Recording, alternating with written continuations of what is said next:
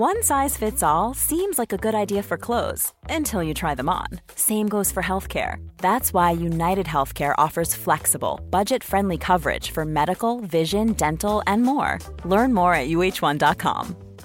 Hiring for your small business? If you're not looking for professionals on LinkedIn, you're looking in the wrong place. That's like looking for your car keys in a fish tank. LinkedIn helps you hire professionals you can't find anywhere else, even those who aren't actively searching for a new job but might be open to the perfect role. In a given month, over 70% of LinkedIn users don't even visit other leading job sites. So start looking in the right place. With LinkedIn, you can hire professionals like a professional. Post your free job on linkedin.com slash spoken today. Hallå, Simon Gärdenfors heter jag och snart börjar min podcast Arkivsamtal. Podden ges ut i samarbete med Acast och med Mafia Comedy Club som ger er stand-up fem dagar i veckan i Stockholm. Mer info om det här hittar ni på maffiacomedy.se och på Ticknet. Det har dykt upp lite stand-up datum där jag ska köra live 2015. Så om du vill se mig någonstans i Malmö, Stockholm, Eslöv, Sunne, Gävle eller Lund så kolla in www.gardenfors.blogspot.com. Där har jag lagt upp eh, alla datum, alla ställen, alla länkar. Nu kommer Arkivsamtal som klipps av Dea Brunner. Mycket nöje!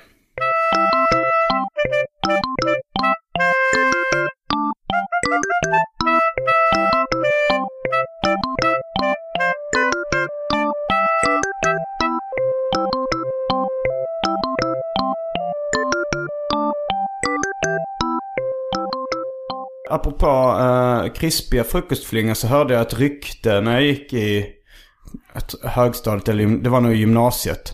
Om att det fanns, eh, i, att i USA så fanns det impregneringsspray för flingor. Vad innebär det?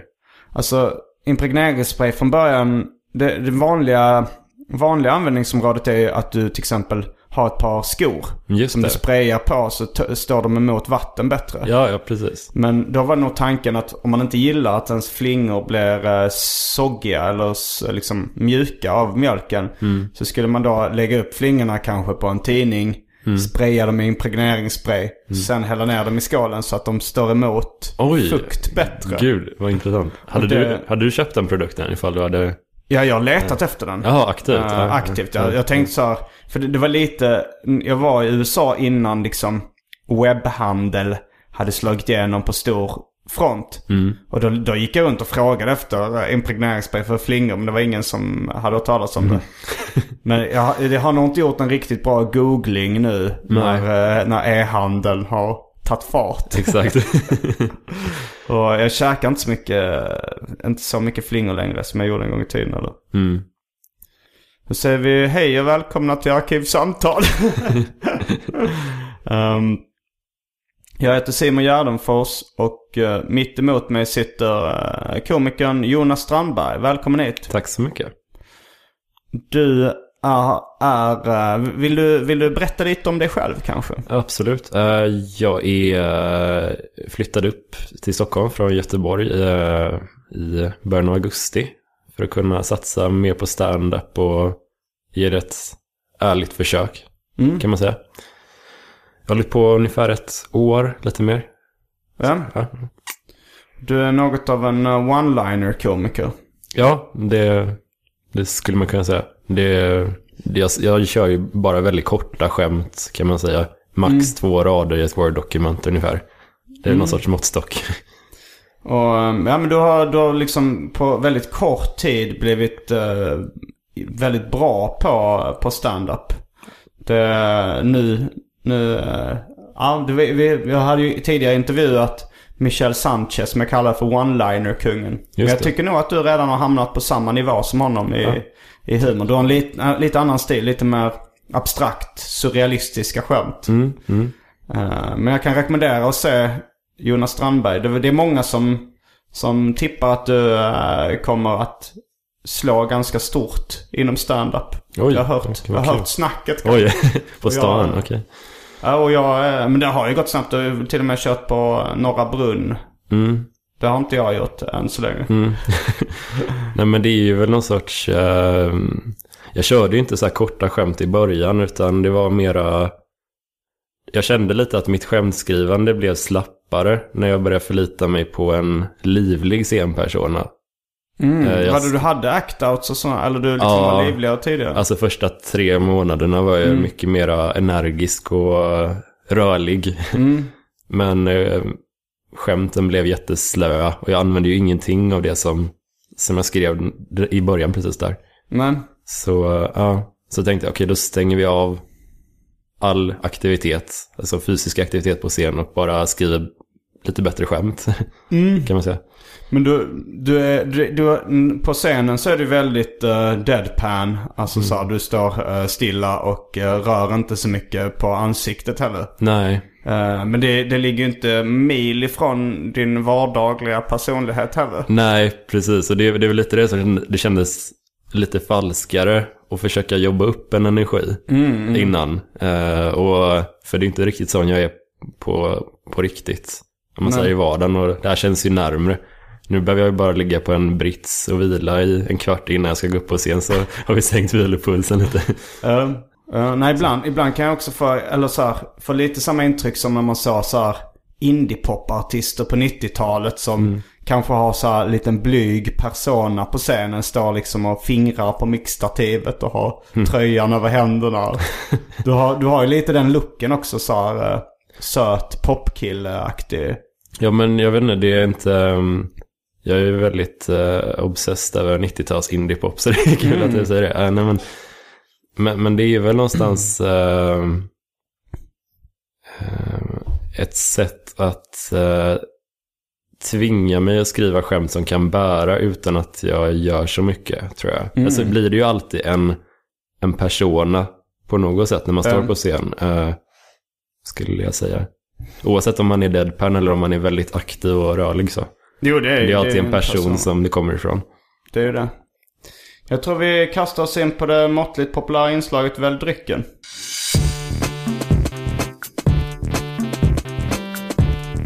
Jag tror vi börjar med det fasta inslaget Välj drycken! Landsortslager. Öl. eh, Pepsi Max. Baileys.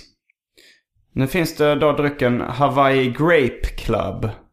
Som är en variant av Hawaii Gay Club men med grapejuice. Det var, fanns inte eh, citronjuice i min närmaste butik. Okej, ja. Ehm, sen finns det vatten. Och eftersom jag har kokat lite vatten innan också så kan man få pulverkaffe om man vill. Mm. Ehm, vad väljer du? Jag är lite nyfiken på den här nya Grape Club. Hawaii Gay ja. Grape Club. Ja, det låter Men spännande. jag tror också jag vill testa Hawaii Ja. Gay Grape Club. Det verkar roligt. Då är vi strax tillbaks med dryckerna. Kända från det måttligt populära inslaget Välj drycken.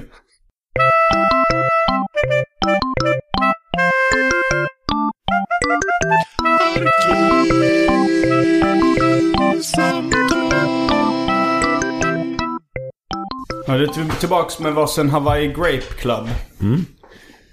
Grape, i och för sig det betyder ju bara vindruva. Så det borde det. översättning blir Hawaii vindruvsgänget. Nej, okej, kanske kanske gänget. Men uh, ordet gäng har ju någon slags komiskt av sig. Ja, Jag, jag har ett skämt där, där jag sa gänget. Nej, marknadsföringsteamet bakom meloner. Vilket gäng va? ja. Det är en setup som du alltid skrattar att Sen är skämtet inte speciellt kul.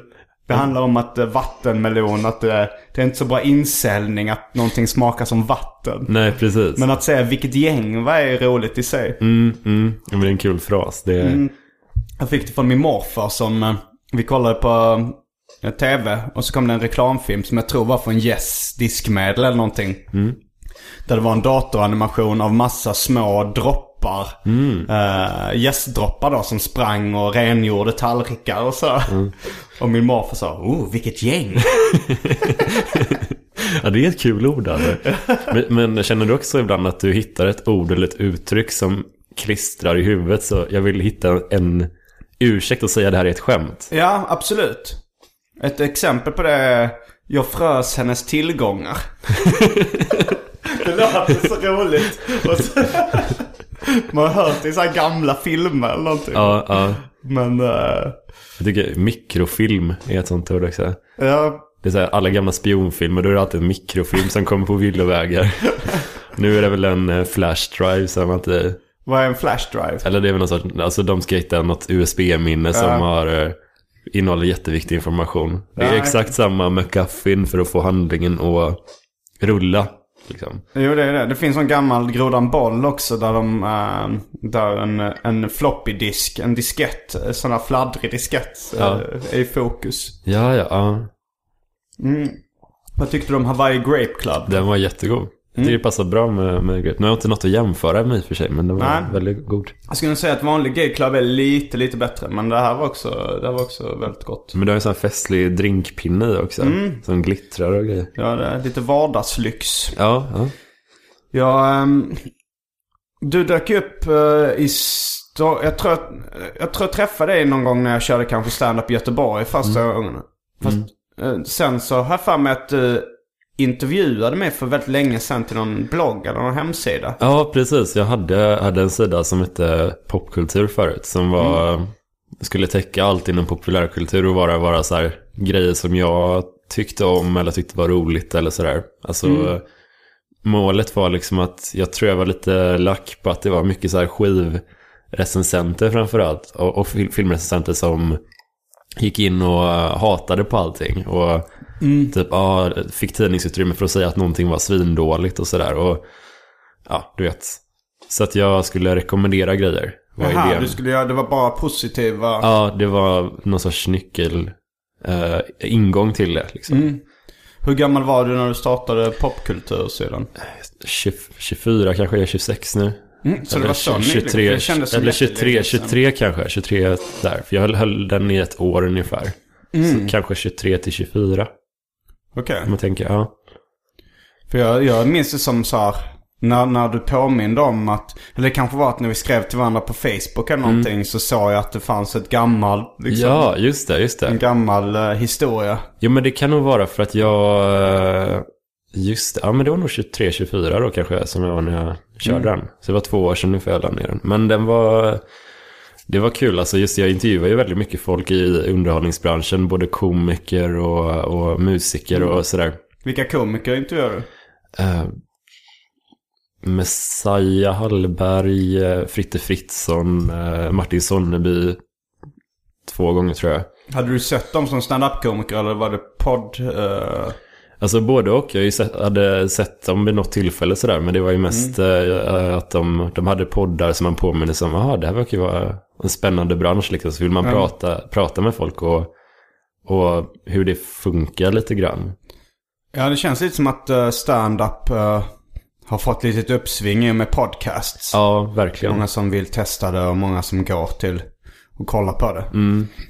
Ja men det var lite, det var bland annat, eh, jag intervjuade ju dig också och eh, som sagt då, då märker man när jag läser de här eh, utkasten och transkriberingarna av intervjuerna att så det var ju lite också egenintresse att hur, hur gör man när man skriver skämt och sådana grejer och Um, har du något tips till folk som skulle vilja börja? Och då var det så här typ sex månader innan jag hade gjort mitt första så här, jag, jag gjorde massa research på något vis i det ja. också och Ja, men jag träffade Jack Werner som är eh, en av uh, Metros succéinslag, viralgranskaren. just det. eh, som även vann Stora Journalistpriset i år tror jag.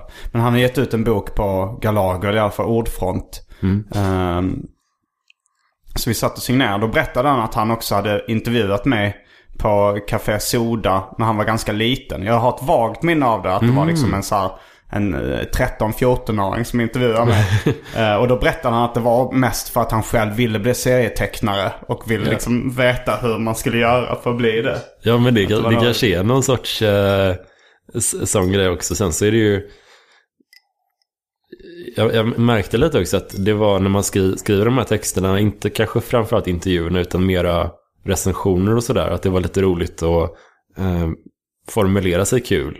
Spränga in skämt i texterna hela tiden. Um, Men samtidigt så är det också lite av en krycka att det är en recension. För det behöver inte vara roligt utan det kommer som en överraskning när det är det.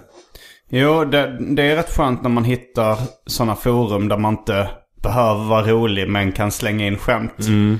Eh, Men jag har gjort det med ganska många av mina idoler. Alltså så här, intervjuat dem för att jag vill träffa dem. Ja, vilka har du? Serietecknaren Joe Matt till exempel. En av mina största idoler i, i hela livet. Honom. Det, där gjorde jag en sån intervju. Och sen tänkte jag inte... Jag visste så här, "Ah, jag kanske inte, jag orkar inte skriva något. Jag, det tar rätt lång tid att, att göra om liksom anteckningar till en färdig artikel. Men sen var det Mats Jonsson på Galago som sa så här, kan du inte, kan inte du skriva ihop något? Det var det typ ett år senare eller någonting. Så då skrev jag ihop en, en artikel. Den finns också på min blogg om ni är intresserade kan ni googla Simon Gärdenfors och Joe Matt. Den blev väldigt bra. Det var jag och uh, serietecknaren och rapparen Agro som, som träffade Joe Matt i Los Angeles. Okej, vad coolt. Eh, och det var, det var jättekul. Men honom har jag träffat. Uh, serietecknaren Sam Henderson. Dan Goodsell, godisförpackningssamlaren som jag nyss nämnde. Det är kanske de, de som jag kan komma på nu. Som, och sen så är det väl eh, en del folk som jag bjudit in till podcasten som jag också liksom är mm, så här, nyfiken på. Men då blir det ju, då är det ganska garanterat att det kommer ut till allmänheten. Då är det inte bara en ursäkt för få träffa dem. nej, nej, precis. Men äh, Agro, eh, som har varit med i den här podcasten för En serietecknare och rappare från Göteborg. Ni, ni kände, känner varandra också? Ja, precis. Vi, vi känner varandra sen, sen tidigare. Det var att jag skulle sälja lite Batman-album på Tradera. Och så eh, köpte han då av mig. Mm, han är stor Batman-samlare. ja, en av de största Batman-samlingar jag sett i hela mitt liv tror jag. Det, Är det? ja, det, hur, hur står han sig internationellt som Batman-samlare tror du? Jag vet inte riktigt. Jag, jag var rätt nischad. Egentligen så här mer, mer av en Marvel-person själv. Så att jag är inte så bra koll. Men jag tror han har ju en rätt imponerande samling. Alltså. Det är mycket figurer och... Ja, han har ett Instagram-konto som heter Swedish Batcave. Just det, ja. Där han lägger upp... eh, ja, men det är mycket... Han, hans uh, lägenhet är inredd med väldigt mycket Batman memorabilia. Eller... jag vet inte vad... Memorabilia kanske är mer så här krigssouvenirer. Ja. Bindlar och sånt där. Batman-grejer kanske man ska säga. Läderlappsprylar. Precis, ja. ja. men det är ju alltid serietidningar, album och actionfigurer och massa coola grejer. Det var även han som hjälpte mig att få... eh, det, jag saknar ett nummer av Katte Nisse väldigt länge. Som jag samlade på. Sen visade det sig att han hade den eh, under sin säng. Va? Ja men då var det, han hade köpt den på loppis för att jag tror att det var eh, på utsidan hade Nisse utklädd till Batman. Jaha, typ Catman ja, eller någonting. Så jag tror han hade köpt den bara för, som Batman-samlare liksom. Ja, och så stuffat undan den lite. Ja. här. Men, eh, men hur lär man känna någon på Ebay? Nej men det var liksom att eh, jag kände igen hans, han, han hade ju en eh, podd kanske fortfarande eh, som heter Bazooka-bibeln som jag lyssnade på eh, och då kände jag igen eh, hans namn i mailadressen. från Som hette Agro. Ja, precis. Så jag bara, är det du som har den där? Och så började jag prata lite om det. Sen så är han ju väldigt, eh, inte bara en Batman-konnässör, utan det är ju mycket serietidningar överlag och mycket superhjältar framförallt överlag. Ja. Så vi mm, snackar mycket. Men eh, har du varit eller är du fortfarande superhjälteintresserad? Ja, väldigt mycket, nästan bara Marvel faktiskt. Eh, mycket Spindelmannen var min så här stora Ja. Hur, eh, hur, hur började du? Var det med serietidningen det började eller någon film eller? Ja, precis. Alltså de här um, serietidningarna från liksom, 90-talet överhuvudtaget. Så, så När kom- är du född? Eh, 88.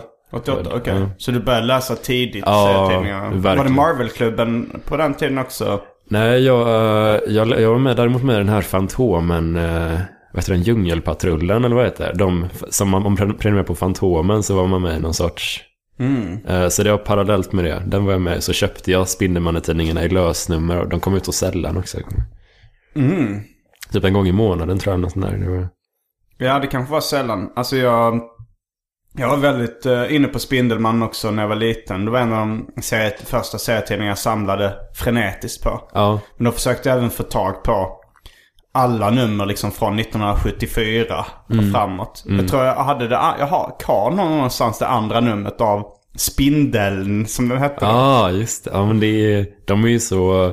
De är ju samtidigt väldigt pedagogiska de numren som jag minns det. För att de kunde börja ett nummer av av Spindelmannen som var, de var mitt i en större story arc. Men så summerar de allting så på första sidan. Ja, det här har hänt sen sist och previously on. Typ. Var det inte förlaget Red Clown som gav ut de första Spindelmannen-tidningarna som heter Spindeln? Ja, inte säker faktiskt. Det... Jag är inte helt hundra, men jag tror det var, det kan ha varit, eller, eller något annat förlag. Ja, Men eh, för mig Red Clown var något så här, ganska udda serietidningsförlag som gav ut där omslagen inte var liksom sån här glansigt serietidningspapper utan att det var matt papper. Och de även gav ut någon tidning som heter Mästaren på Karate. just det, just det. Ja. Den är, känner jag till. Är det en Marvel-serie också? Eh, jag är jätteroligt kvar. Min farbror eh, köpte den ganska ofta, kommer jag ihåg. Eh, men jag minns inte om det var... Men överhuvudtaget, superhjältar tycker jag är så otroligt fascinerande koncept på något sätt. För det är, de ändrar ju lite, alltså man ska säga, de ser lite annorlunda ut med, beroende på hur liksom, samhället i övrigt ser ut. Kan säga. Det är som när de här Batman-filmerna av Christopher Nolan eh, kom ut. Då var det väldigt mörkt och dystert och tungt alltihop. Den? Och sen så dyker Captain America-filmen upp 2011 eller någonting. Och den är ju mer av en matinérulle på något sätt satt i 40-talets eh, eh, under andra världskriget. Då. Jag, jag har inte sett så mycket på sista tiden. Jag, jag slutade med superhjältar någon gång när jag var ung tonåring. Och gick över till underground-serier och humor. Ja, ja. Mm. Serier, så här. Men, eh, men du är fortfarande, du läser fortfarande? Ja, det, det har inte, det brukar annars vara någon sorts, jag har inte haft något avbrott heller i det, Nej. utan det har ju bara pågått hela tiden på något sätt och lite eskalerat de senaste åren faktiskt. Och eh, jag, Du bor ju ihop med Therese Sandin som också är Marvel-fan. just det, precis. Läser hon också liksom nya Marvel-serier och så? Nå, lite sporadiskt kanske, tror jag. Hon är ett stort fan av eh, She-Hulk. Eh, så- Men läser du dem i pappersform eller eh, på iPad eller liknande? Jag brukar köpa de här tjocka inbundna albumen som samlar en, en längre sammanhängande historia. För att jag kan liksom inte vänta eh, flera... För de är lite sega på att ta in de nyaste numren till Sverige. Mm. Går du till seriebutiker här i stan, eh, i Stockholm? Ja, oftast. Eller beställer på från nätet och sådär. Men det är, det är lite mer belönande nästan som att läsa en roman om man läser en så här, 200-sidig historia istället. Men vad läser du för, eh, Alltså för titlar? Captain America mest och uh, Spindelmannen och... eh, men jag är stor Captain America-fan faktiskt. Det, är, det är en, han är lite Marvels Stålmannen på något sätt känns det som. Lite den här gammaldags figuren från en annan tid och sådär. Ja, men, men utspelar de sig på, i nutid? Ja, det, det, det Men han har gammaldags värderingar. Ja, precis. Väldigt så här... eh, Han tycker inte om homosexuella. Exakt. Nej men han, eh, det finns ju en serie som, ehm, som heter Civil War som kom 2006 tror jag. Och hela, hela plotten går ut lite på att eh, alla superhjältar i Marvels värld delas i två läger för att de har ett lagförslag av regeringen att vi ska registrera alla superhjältar. Ni måste avslöja era identiteter. Så det är någon sorts civil rights movement att de splittar upp och Captain America ställer sig mot staten där.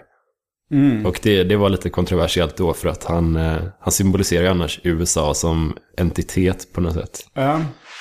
Men det, det, var, det var rätt coolt. Och då är istället Iron Man som är någon sorts neofascist. Som vill att alla ska registrera sig och sådär. Jag har inte så bra koll på superhjältarna. Men, men eh, vilka var dina förebilder när du började med stand-up? Jag tänker som eh, one-liner-komiker så finns det ju alltså, eh, Steven Wright och vad, vad, vad de nu heter. Nej men jag... jag Mitch Hedberg. Ja, absolut. Och Mitch är ju en av mina stora favoriter. Och Dimitri Martin likaså. Lite nyare. Men eh, sen så, när- det var ju faktiskt när jag såg eh, Michel Sanchez som du nämnde tidigare. När jag såg honom live, det var ju då jag bestämde mig för att börja skriva korta skämt också. Jag såg att det var görbart i praktiken på något sätt. Sen hade jag ju sett Mitch Hedberg och så på YouTube och så tidigare. Men Men hade du börjat, hur kom det sig att du började med stand-up från första början? Men det var lite att det var, vi satt med några kompisar och diskuterade. Vi bestämde oss för att okej, vi, vi testade en gång. Jag tror det var på fyllan eller någonting. Att vi, vi, vi gjorde en deal i alla fall. Vi skulle alla prova det en gång. Eh, Och så dröjde det sex... var ni fans då av stand-up innan? Ja, verkligen kollade mycket på, mycket på stand-up överhuvudtaget. Liksom.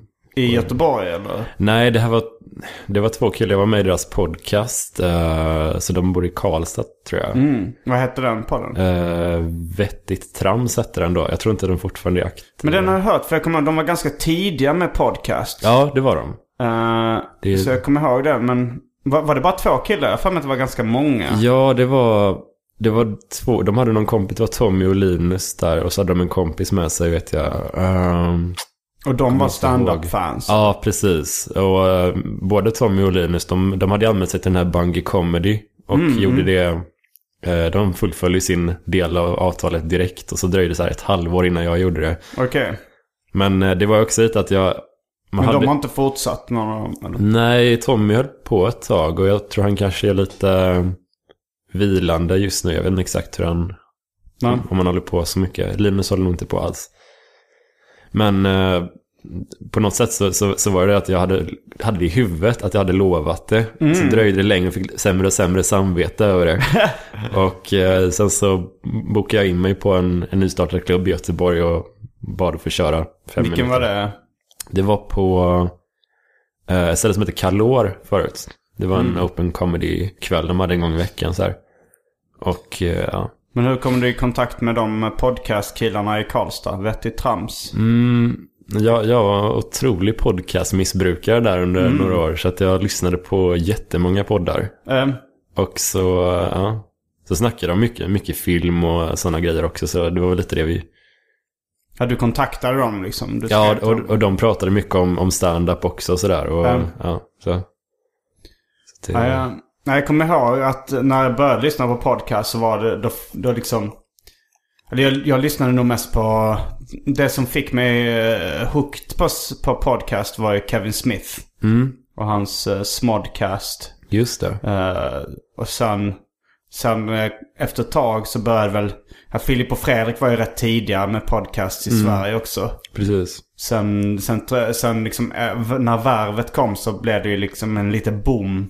Just Men det det. var väl också då kanske att folk började skaffa smartphones i väldigt stor utsträckning och kunde lyssna på podcast på bussen och så. Ja, men det, det är många av de där som ändå är väldigt... Eh, Smodcast slutade jag följa för något år sedan tror jag. Men jag hängde med på den också väldigt länge så. Det var ju kul att höra hur de bara satt och eh, pratade och var stenade i två timmar. Lulla. Den var jättelång den podden. Men till och med, han började ju bli stenad efter ett tag. Var I början så han fick någon sån här kris efter att han hade floppat med filmen Zack and Miri Make a Porno. Ah, okej. ja. Eh, du, du har inte hört det? Du har inte hört? Nej, jag, jag hoppade inte in från alla, från allra första början okej. tror jag. Nej. Ja, men jag, jag började lyssna någonstans. Då hade det kanske kommit hundra avsnitt eller någonting. Mm. Men då började jag lyssna. Men då så, så, så lyssnade jag liksom. Och sen tänkte jag, nu börjar jag från början. Mm. Och eh, då fick man ju följa den här storybagen. Hur han liksom hoppades på att få ett, ett nytt nytändning i sin karriär. Och sen besvikelsen efter Zack and Miri Make a Porn. Och sen försvann han från...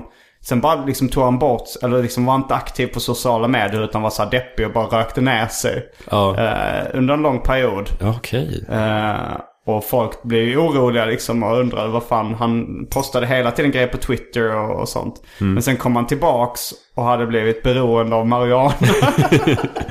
Men det var nog så här självmedicinerat. Han, hade- han hade hoppat så mycket på att Zack and Miri make a porno. För det var väl, eh, jag tror det var Seth Rogen i huvudrollen på den filmen. Ja, just det, just det. Och då tänkte han så här, det här kommer bli mitt stora break. För att Seth Rogen var så het då liksom. Man tänkte, nu har jag det här eh, bra manuset. Och sen, sen blev det ingen eh, succé den filmen. Nej, nej. Och då så blev han så besviken och så rökte han ner sig med sin tjocka homosexuella kompis Malcolm Ingram. Eh, och de, de satt bara och rökte inomhus liksom. Rökte marijuana och sen, men sen kom han tillbaka och var så här fnissig och, och sket i allt liksom. Full av livsglädje. Ja men mer så att han, hade, han brydde sig inte längre. Han hade börjat Nej. röka på. Men sen, sen kändes det mer som att han efter ett tag liksom vande sig vid uh, sitt gräsrökande och kunde bli rätt irriterad i alla fall. Liksom. Mm, Men, eh, men nej, jag, har också, jag har också slutat lyssna på, på hans podcast. Men det blir som med vissa poddar som, som inte riktigt... De har ju en anledning till att man börjar lyssna på dem från början och sen så missbrukar de det greppet lite tycker jag. Det var så, så med dynamiken mellan Kevin Smith och Scott Mosher. I den. Mm. Att det blir lite så här, ja vi vet er relation nu. Den, Mm. den, den går inte att dra flera varv lite. Nej, men det är väl också att de har ett begränsat antal anekdoter som till slut upprepas. Jag tror att jag har hamnat nu hu- eh, 120 någonting avsnitt av min podcast. Så det är ju en del an- anekdoter som återkommer, det inser jag själv. men, eh, men samtidigt så är det eh, fortfarande folk som kanske hakar på nu. Och börjar lyssna varje vecka nu. Som, eh, Exakt. men eh, man får säga, sen så finns det vissa som så här, Hanna Fahl som har fastnat för Kevin Smiths podcast. Som har lyssnat på alla avsnitt och alla liksom poddar han och, och har blivit så eh, fixerad så inte kan sluta lyssna i vilket fall som, vare sig hon tycker det är bra eller dåligt. Ja, det är bara en del av rutinen. Det måste hända.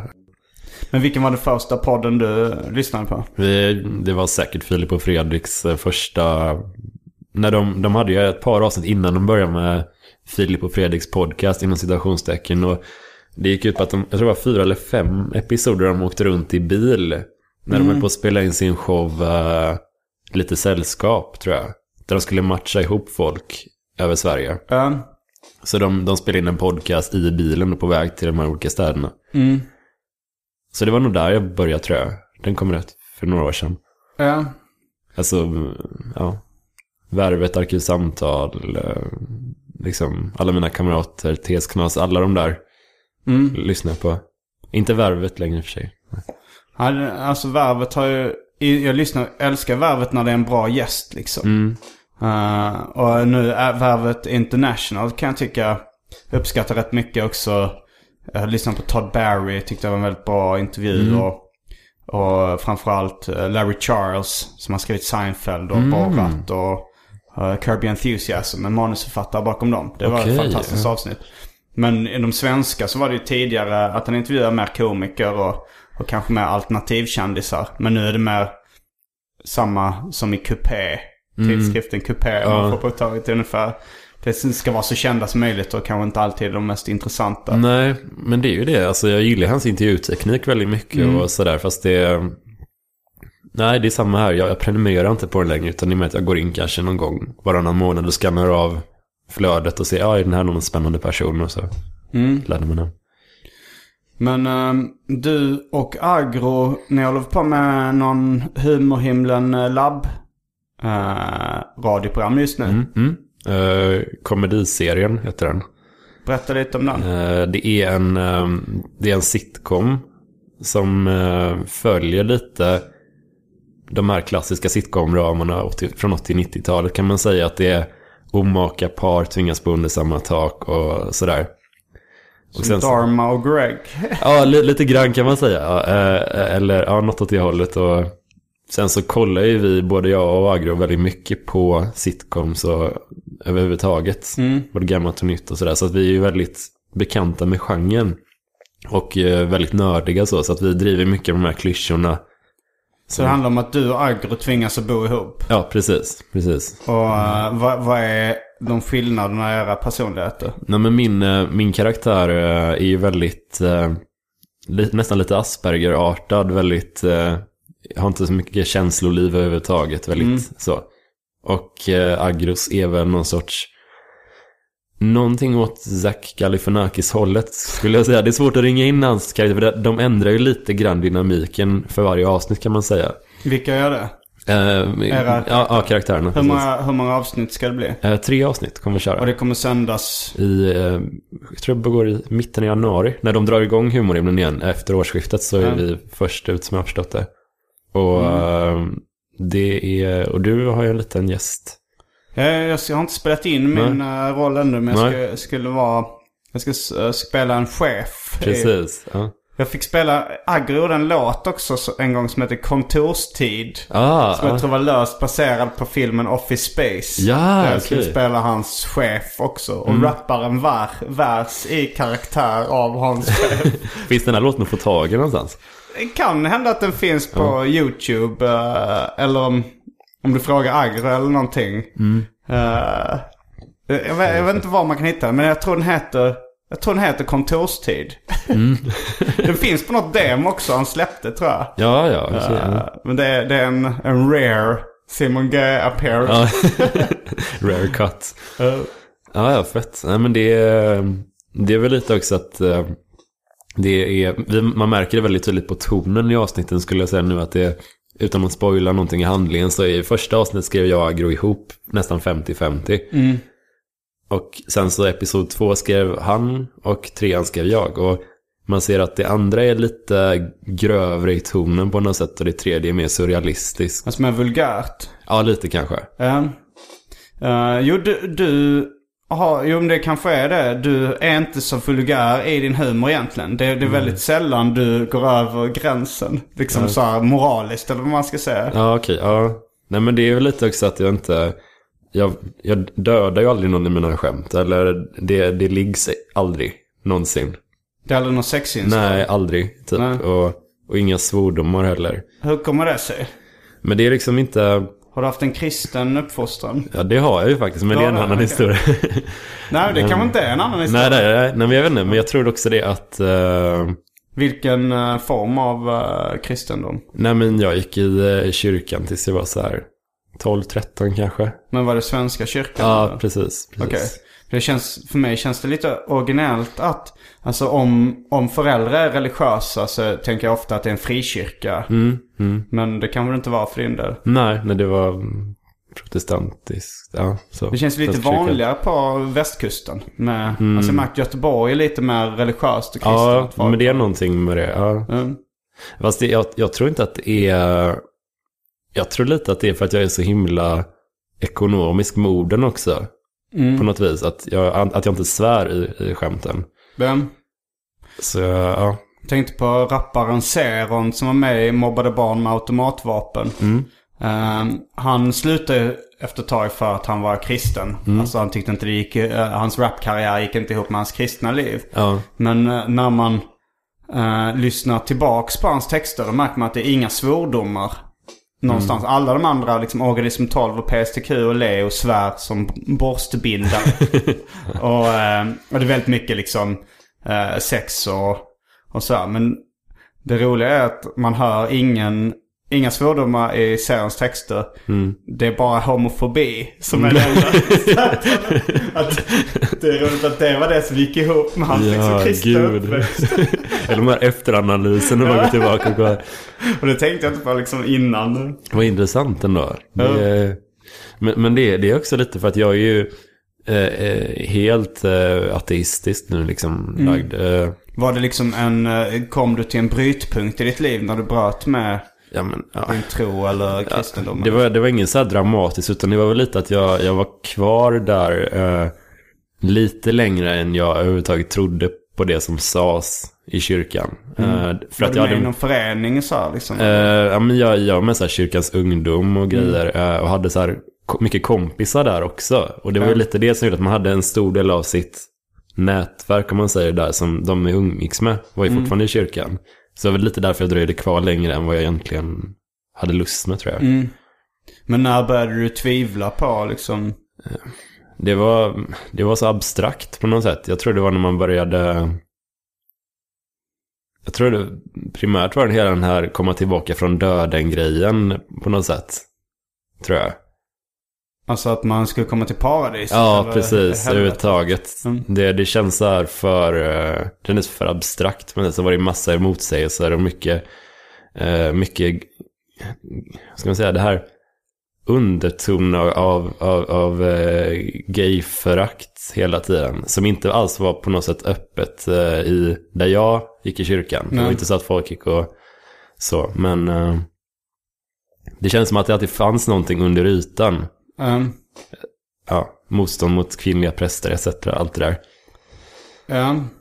Men, eh, men att du inte har liksom någon sexinslag i din stand-up också. Mm. eh, det kan ju inte ha med ekonom, ordekonomi att göra. Nej, det, det vet jag inte riktigt vad det beror på faktiskt. Jag tror att eh, jag kan inte leverera sådana skämt speciellt bra trovärdigt. Eller bra, det blir, det blir så här... eh, det är trovärdigt som att folk tänker att han får aldrig ligga. Men jag vill ha en liten sån personlighet som kanske inte...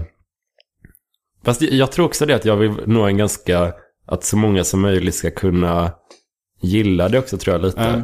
Och därför undviker jag lite... Alltså en folklig anslag? Ett folkligt Ja, jag tror det. Att jag vill hitta, vara så ganska, inte bred på det sättet, men eh, jo, bred kanske. Um, Alltså jag tycker inte att det är något, jag är ju en väldigt stor fan av, av eh, hitlåtar som fenomen. Ja. De får ju mycket skit att det är, det är brett och, och folkligt och sådär. Men många gånger kan det vara, det är ju svårt att skriva en hit. Det är ju, annars hade ju alla gjort det hela tiden. det Jo, var superlätt. absolut, det är svårt. Men du verkar ändå vara en fan av eh, provokativ humor. Alltså så här, jag för mig att du uppskattar min bok Nybuskis till Jo, exempel. absolut. absolut. Och det är ju bara, bara provoka, alltså så här, bara stötande Mm. skämt hela tiden. Ja, jag vet. Det, det är ju också det att jag blir alltid så, jag blir så generad när jag ska dra ett sexskämt. Jag har provat några gånger. Det, det, det blir liksom inte bra. Men eh, jag, jag förutspår nog alltså så här, att du kommer att bli något av en flickidol. För att du, du har ju den här söta looken och redan nu har jag märkt att så här, när, när vi uppträdde på Dovas Winterburst, när vi hade en stand-up-inslag där. Var det några liksom eh, tjejer som kom fram till mig efter. Var, var gick han någonstans? Den här killen som drog skämt. Man märkte att de var så uppenbart attraherade. Oj, okej. Eh, och Agro berättade att så här, när, ni, när ni lärde känna varandra i Göteborg. eh, då brukade alltid så här, du står och hånglar med någon efter din stand. någon, efter du hade kört stand-up. Vilken bild du målar upp. Kommentera, du får kommentera den bilden själv. Nej, men jag... Ja. Nu blev du lite generad igen men, ja. men det kanske också blir det här liksom. Jag kan tänka mig att om, om, det nu, om du nu får liksom ett genomslag som, uh, som stand-up-komiker kan det också bli den här Björn Gustafsson-effekten. Att det är så här en ganska eh, blyg kille eller så här lite oskyldig som, som ändå blir liksom en, en, eh, en sexsymbol. ja, det här är så märkligt. Eh, nej, men jag vet inte riktigt. Det Jag var tror... det för Björn Gustafsson också. Ja, okej. ja. nej, men jag... Du ser det inte själv på det sättet? Eller? Nej, jag, jag är mer av... Alltså jag tycker jag är mer av... Jag kan skriva Mm. bra skämt tycker jag. Men jag tycker inte att det är så himla... Min scengrej är inte alls speciellt avancerad eller genomarbetad tycker jag inte. Det är mer att jag stänger av och går upp. Det, det, det jag lägger tid på är ju skämten och skriva. Nu undviker du ämnet. eh, Ja, men ja. vet nog. Jag vet, men det, det leder ju in lite på att jag inte... Jag, det är, man är så obekant med att vara en extrovert person. Mm. Och det är därför det är konstigt om någon kommer fram efteråt och säger något snällt. Mm. Ja, det känns, jag känner mig ändå lite bekvämare att prata om det här på grund av könsrollerna. Ifall det hade varit en, en, en, tjej som ganska nyligen har börjat med stand-up hade jag haft svårt att prata om hennes roll som sexsymbol. inom, det hade varit extremt Ja. mycket smutsigare. Jag vet. Jag Ja, vet inte kan, ja varför. definitivt. Men Ja. det... Men... eh, Men det var kanske också, nej, eh, för att jag tycker det är roligt att det blir lite så här nervös stämning. Du hittade den här punkten. Det var, det var så här min inom citation kristna uppväxt. Jag bara, nej, nej, det här ska vi prata om. Att man ska peta där det gör som mest ont. Ja. Ja, men det är väl ofta då man kan få lite nerv, i, i podden också. ja precis. Men, Ja. men det... Men jag, jag, det, jag, jag kan inte riktigt förstå att eh, om, om någon kommer fram och är så här, jag vet inte, flörtig eller någonting. Mm. Så för, för att det jag har varit med om mest när någon, är att någon, det var som, det var en kvinna i, när jag varit i Vär, Värmland och uppträtt som kom fram efteråt och sa att ja, men jag tyckte du var så kul och min son har också Asperger. Jag bara, ja, jag tror inte att jag har Asperger men alltså. Nej, det tror jag inte heller. Alltså, man kan väl ha drag, men din scenpersonlighet har ju eh, betydligt mer Aspergers drag än vad du har i verkligheten. Ja, jo. Och, och din scenpersonlighet ligger inte, som sagt, inte jättelångt ifrån din riktiga. Men du verkar ju Mm. inte ha... Alltså Aspergers är så jävla svår diagnos Det- också. ja, det känns som en sån slaskdiagnos som lite vem som helst kan, Ja. kan få om de vill ha den liksom. Precis, och, och, och sen så såg jag att eh, det finns en sån eh, manual för eh, psykdiagnoser som släpps lite då och då. Och tydligen så har de helt i den versionen plockat bort eh, Asperger som begrepp och istället inkluderat den i autismspektrat på något vis. Eh, så, så, och det gör ju det ännu slängigare på något vis. Att man, Mm. man rör sig i ett spektrum där det finns liksom alla möjliga varianter. Um, nej, jag vet inte riktigt. Man kan ju säkert ha drag av av eh, olika personlighetsstörningar eller vad man ska kalla det. men- utan att ha... Ja men du beskriv, har ju beskrivit att, att du har så här lite OCD-drag vad gäller Ja. vissa grejer. Som det här att du, du alltid har ett nytt skämt när du uppträder på gratisklubbar Ja, till exempel. jo, och det, där funkar det ju lite till min fördel. Att jag Mm. så här, tvingar mig själv. Det blev liksom någon form av disciplin också. Mm. Men har du OCD-drag? Ja men jag, jag har ju började med det också när du pratade om det i podden. Att eh, jag tror det var juli, augusti någonstans där jag började skriva ett skämt varje dag. För att jag tror det var i samband med att jag flyttade upp hit till Stockholm för att kunna ta det på ett större allvar. Ja. och satsa mera och verkligen behandla det som ett arbete.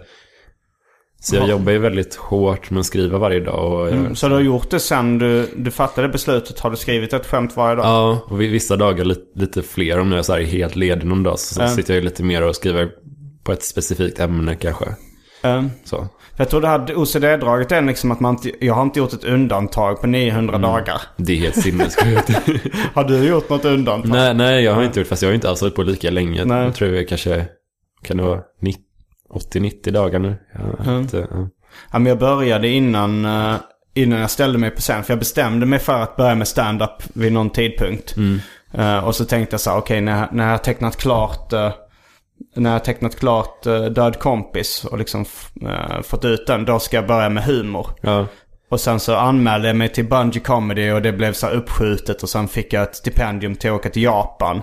Men då hade jag sagt, okej men nu har jag bestämt mig för att jag ska börja. Då ska jag skriva ett skämt om dagen i alla fall. Så jag skrev skämt i jättelång tid innan jag ställde mig på en scen för första gången. Men det var rätt svårt att förstå ifall de skämten skulle funka eller inte. Det kändes verkligen som att jag famlade i mörker då innan jag ställde mig på en scen och testade skämten inför en publik. Ja, ja. Eh, och då jag läser vissa av de skämten idag så är de jättekonstiga. Liksom att det, är- de är inte alls uppbyggda som ett klassiskt skämt. Och inte, Men har du någon så här klassiskt, eh, om man, alltså vad är det som återkommer som skiljer dem från ett, ett klassiskt skämt? Har du någon så här grej som, alltså, som du stör dig på när du kollar på dina äldsta, äldsta grejer där? det, är- det är inte att det, någonting som återkommer är bristen på punchlines. Det, det är ett problem. Men det där är ju... eh, Jag var nog ganska inspirerad av så Chris Rocks eh, rants. Liksom, att han bara står och mm, upprepar ett ord och liksom... Ja. Och, och eh, jag vet inte riktigt hur man skriver den typen av material. Han har väl... Han har ju inte så jättetydliga punchlines alltid. Det var, det var nog mer den stilen jag skrev idag. Att man liksom bara... Ja, man, man liksom maler på och tjatar om någonting. Ja, ja men det där, jag, jag hade en grej också när jag precis började med väldigt korta skämt. Så, så kapade jag medvetet. Eller jag, hade, jag skrev ett fullt skämt och så kapade jag det precis innan punchlinen. för att skapa en märklig stämning bara. Så jag, jag slängde en massa punchlines i, i, i papperskorgen bara för att göra det mer surrealistiskt. Och det blev bara pajigt och pretto på något sätt till slut. Um, men du skrev också, det var en- kanske innan vi kände varandra så bra i alla fall så skrev du och frågade mig på Facebook hur skriver man en eh, one-liner? Ja, precis. Det var ju, ja, det var ju precis, jag tror det var när du just hade varit med i, eh, för Pelle Helgesson som varit gäst här tidigare också, han, Mm. han hade ju en, eh, eh, någon typ av one-liner-tävling, Mm. vet jag, där du, Marcus Johansson och Michel Sanchez. Ja, vi, Deltog. vi ställde upp. Eh, Och, och eh, då, Tobbe Ström också. ja, just det, så var det. Och Henrik Kjell... Var han med också? Henrik Kjellgren, eller Kjellman? Kjellman, Kjellman, ja. Han ställde också upp. Okej. Ja men det, det var där jag tänkte att, aha, du skriver mycket, då hade jag inte sett dig köra stand-up, men jag tänkte Nej. att du, du ska korta skämt, hur, hur lägger man upp strukturen och sådär. Ja. Och då var mitt tips eh, att man ska stryka så mycket ord som möjligt. Ja, och det, det är ju otroligt eh, effektivt på något sätt, för man märker att de, jag vet inte hur det är för dig, men när jag ska skriva en one så är det så här, den är ju så här fem, sex rader från början. Ja. I första utkasten så kapar man här, det här, det här. Det här behöver jag inte säga för att folk ska fatta slutpoängen, utan Men, så. ja, det, det känns som ett uppenbart tips när man väl har hört det. Men, Men det är du, ju- du tyckte ändå det var ett bra tips. Ja, alltså det är ju kapa ord hela tiden. Så det, det gör jag ju nu konstant. Men det är frågan om alla skämt går att göra till one-liners. Mm. Tror, har du märkt någon gång att du har skrivit ett skämt som är hyfsat långt och sen försöker du kapa så mycket ord som möjligt och då försvinner det roliga i det? Ja, ja men händer ibland. Och, och då, använder jag det oftast inte för att det bryter formen för mycket. Okej. Så jag, jag kör inte med långa grejer alls faktiskt. Jag, jag radar upp skämt, korta skämt på samma tema ibland. Och det tipset fick jag av Marcus Johansson faktiskt. Att, att man kan stapla one-liners om sig. Hamburgare eller någonting. Mm. Så har man tio sådana skämt om hamburgare. Så känns det som en rutin för publiken. Att det känns som att det finns en röd linje. Mm. Men eh, Det finns ju en exempel på det. Jim Gaffigans baconrutin. Ja, Han finns- staplar just 20 det. one-liners som bacon. den är ju briljant. Den finns på Spotify. Ja, det finns på YouTube också. Jaha, okej, ja. Nej men det, det, så det, det kör, kör jag mycket. Jag slänger lite längre grejer heller. För att det, det tar för lång tid till punchlinen och det, jag blir stressad det. Ja.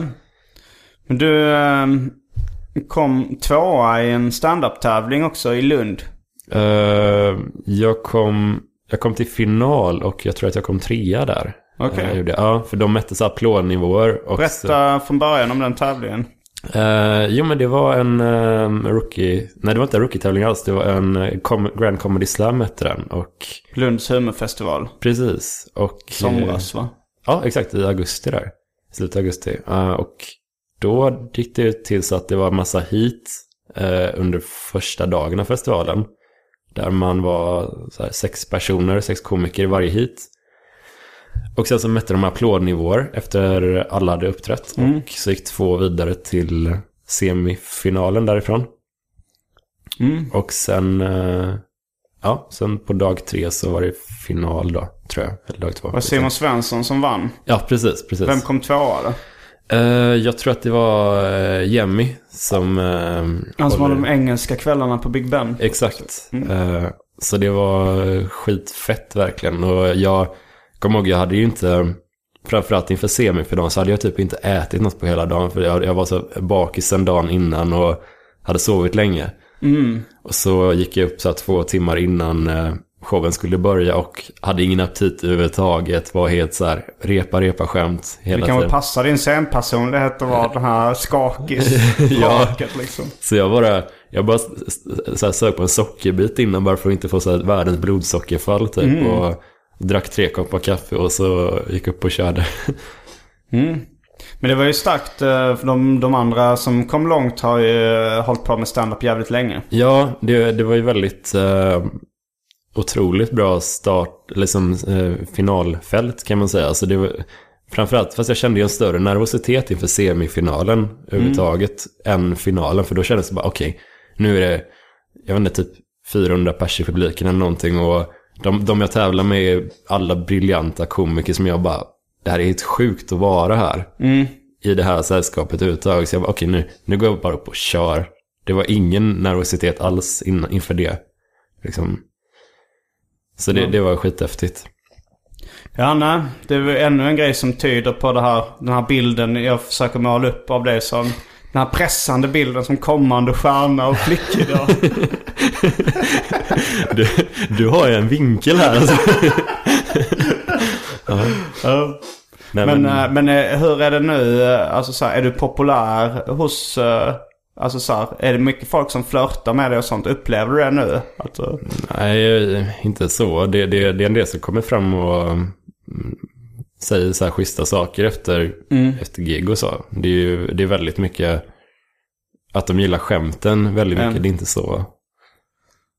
Nej, jag upplevde det när, när jag flyttade till Stockholm. Att jag var så här hyfsat populär i Skåne där jag bodde. Men det tog verkligen ett tag att acklimatisera sig liksom. Att Jag fick inte ligga på ganska lång tid liksom. Fast, alltså när jag flyttade Ja. typ runt millennieskiftet. Sen, sen när jag väl kom in i groovet så, så gick, gick allting väldigt lätt liksom. Ja. Men, men att... eh, Men, men eh, hur försörjer du dig nu? Jag märkte att du inte, du är inte helt bekväm att prata om de här. nej men det, det är cool. Eh, nej men jag jobbar som personlig assistent ja.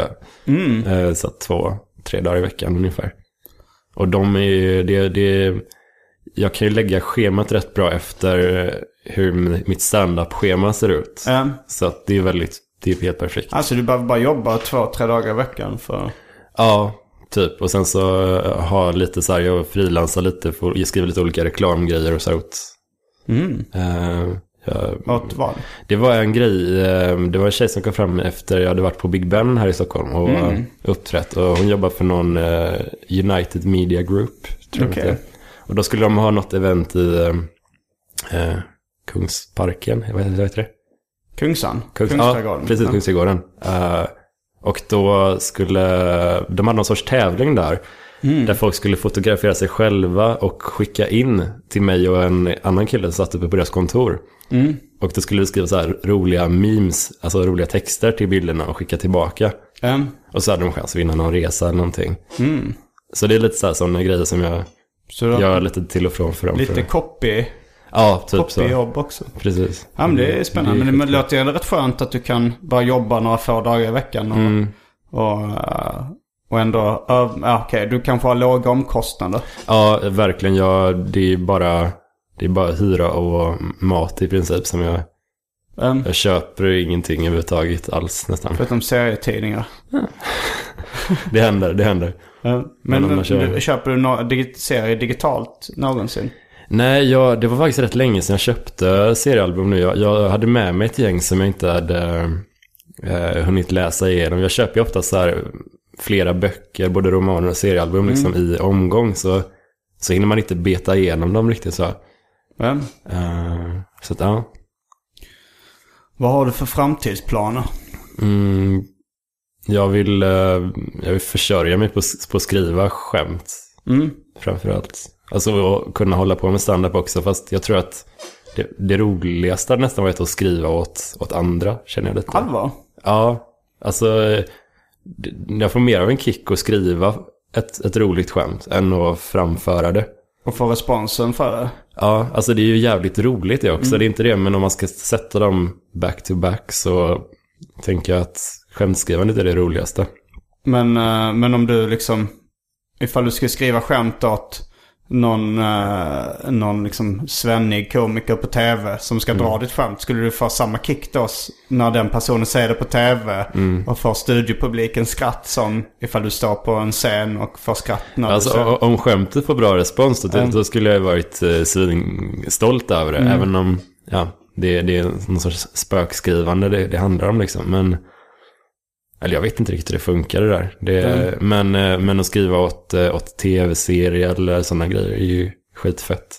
Mm. Så det hade varit skitkul. Fast sen så vill jag hålla på med stand-up också. Inte så att jag vill sluta med det till förmån för att skriva. Men jag tycker skrivandet är roligare. Det är lite, verkar vara lite, lite svårare för one-liner-komiker att göra liksom en lång show. Ja. För att formatet, det är svårare att bygga typ en storybåge och sådär kring, kring one-liners. I och för sig Mm. så, uh, Dimitri Martin är ju något av en one-liner-komiker. Mm. Och kanske, jag vet inte hur stor han är idag. Mm. Jo, men jag tror han är ganska... Nej, jag, vet faktiskt inte. Men han har ju släppt två specials, vet jag, som var jätteroliga. Jag tror han är en av de, s- en av de topp 20 i USA kanske. Jo, men. Och, det, ja. och det, det betyder ganska mycket. Det, Ja. känns, det är kanske inte riktigt som att vara topp 20 äh, musikerna. Men, men nästan. Nej, men, eh, jo, men alltså det, det är lite... Det problemet hade jag lite att skriva längre set eh, förut.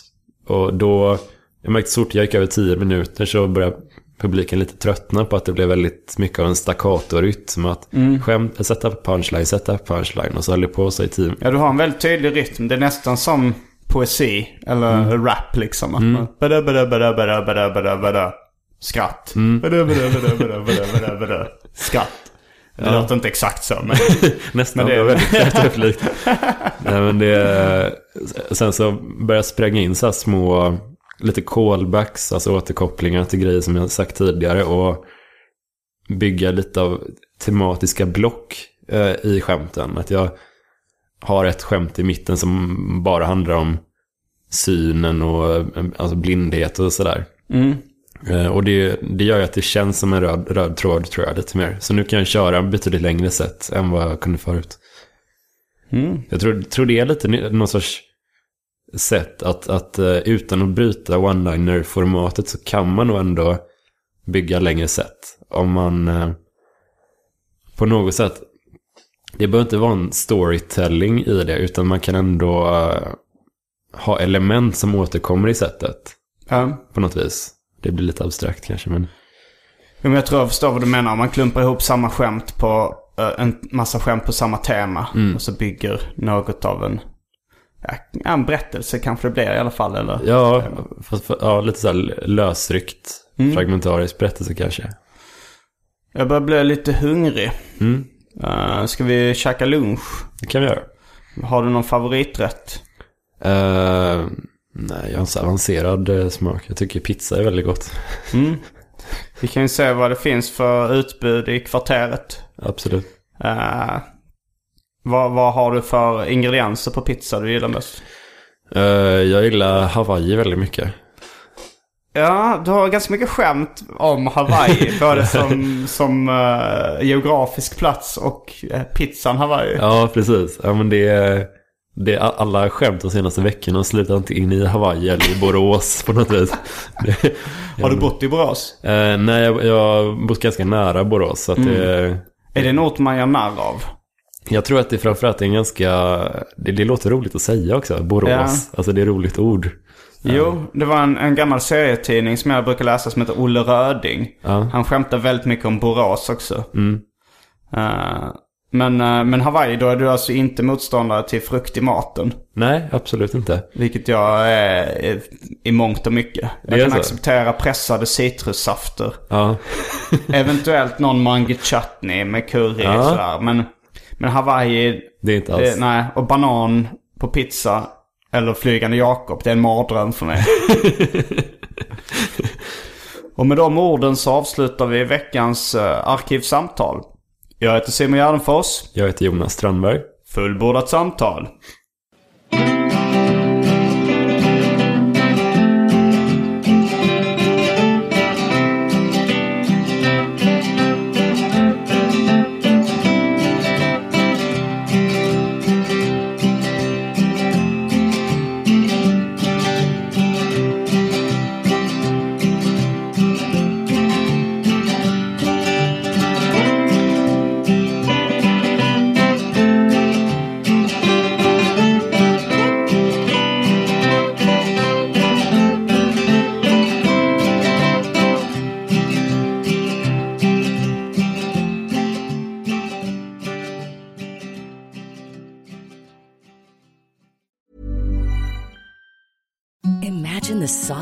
Sheets you've ever felt. Now imagine them getting even softer over time. That's what you'll feel with Bowl and Branch's organic cotton sheets. In a recent customer survey, 96% replied that Bowl and Branch sheets get softer with every wash. Start getting your best night's sleep in these sheets that get softer and softer for years to come. Try their sheets with a 30-night guarantee. Plus, get 15% off your first order at bowlandbranch.com. Code BUTTERY. Exclusions apply. See site for details. ACAST powers the world's best podcasts. Here's a show that we recommend. The Real Housewives is a guilty pleasure for most, but if you're looking to not feel guilty about that pleasure, tune in to Everything Iconic with me, Danny Pellegrino, where I break down all the messy moments and behind the scenes antics of Bravo's popular franchise. And on Everything Iconic, I also interview celebrity guests like Kelly Ripa, Kiki Palmer, Drew Barrymore, Cameron Diaz, and more about their guilty pleasures, their past work, and so much more.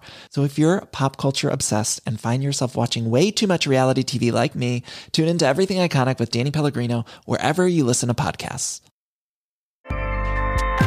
ACAST helps creators launch, grow, and monetize their podcasts everywhere.